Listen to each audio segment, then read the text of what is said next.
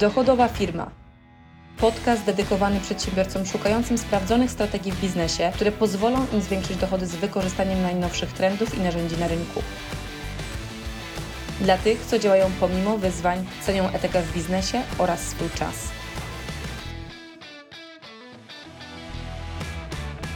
Działając przez lata w branży w innowacji i technologii, często słyszałam, że dobry produkt to jest wystarczający element do odniesienia sukcesu w biznesie. Właśnie dlatego dzisiaj podzielę się z Tobą czterema powodami, dlaczego bez sprzedaży nie odniesiesz sukcesu w biznesie. Lata temu, kiedy zakładałam swoją pierwszą firmę, bardzo często słyszałam od różnych ludzi: Wiesz, Basia, żeby dobrze wyjść na swoim, zakładając e, firmę, to potrzebujesz około dwóch lat, żeby firma stała się rentowna, czyli żeby zaczęła zarabiać.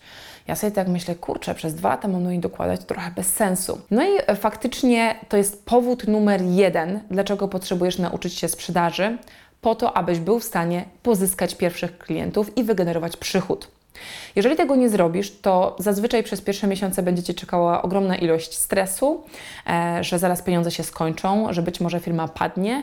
E, jest to niezdrowe dla Ciebie e, i niezdrowe dla firmy. Nie mówiąc już o tym, że umiejętność pozyskania pierwszych klientów daje Ci możliwość bardzo dobrze ustawienia sprzedaży w firmie i przekazania tego kolejnym osobom, które ją będą kontynuowały, kiedy Ty już będziesz pracował nad czymś innym. Więc w sytuacji, w której Ty potrafisz sprzedawać, ty pozyskujesz pierwszych klientów, nie jesteś osobą zależną tylko i wyłącznie od zasobów, które uzbierałeś i zdaną na kogoś, kogo zatrudnisz i nie wiadomo, czy ta osoba się sprawdzi, ale jesteś w stanie e, rozpędzić pierwszy lejk klientów. Powód numer dwa. Rekrutacja najlepszych ludzi. Jeżeli chcesz zbudować firmę, a nie być tylko freelancerem czy konsultantem, to faktycznie potrzebujesz zespół.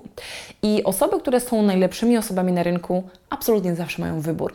Dlatego też te osoby to nie jest tylko tak, że przychodzą do Ciebie na rekrutację i um, to Ty wybierasz, czy chcesz z nimi pracować, czy nie. One również wybierają.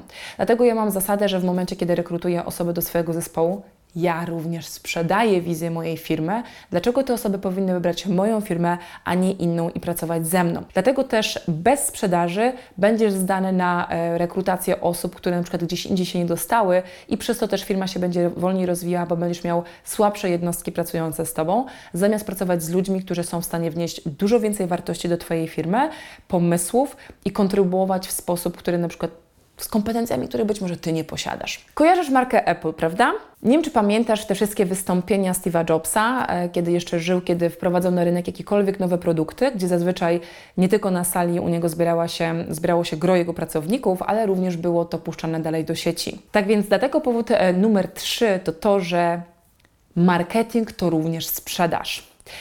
Więc e, taki Steve Jobs był świetnym marketerem swojej marki.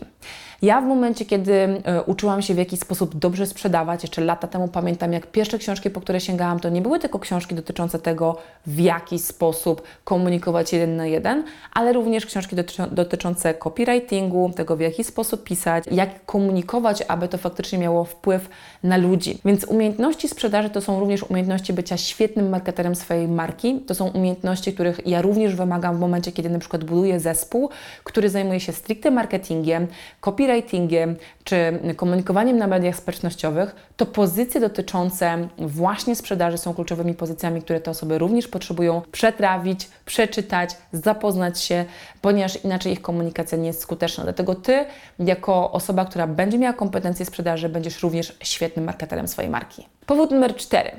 Jak często zdarza Ci się, że ktoś proponuje Ci jakąś e, cenę za e, powiedzmy biuro czy usługi, a Ty po prostu bierzesz taka, jaka jest i w ogóle nawet jej nie podważasz.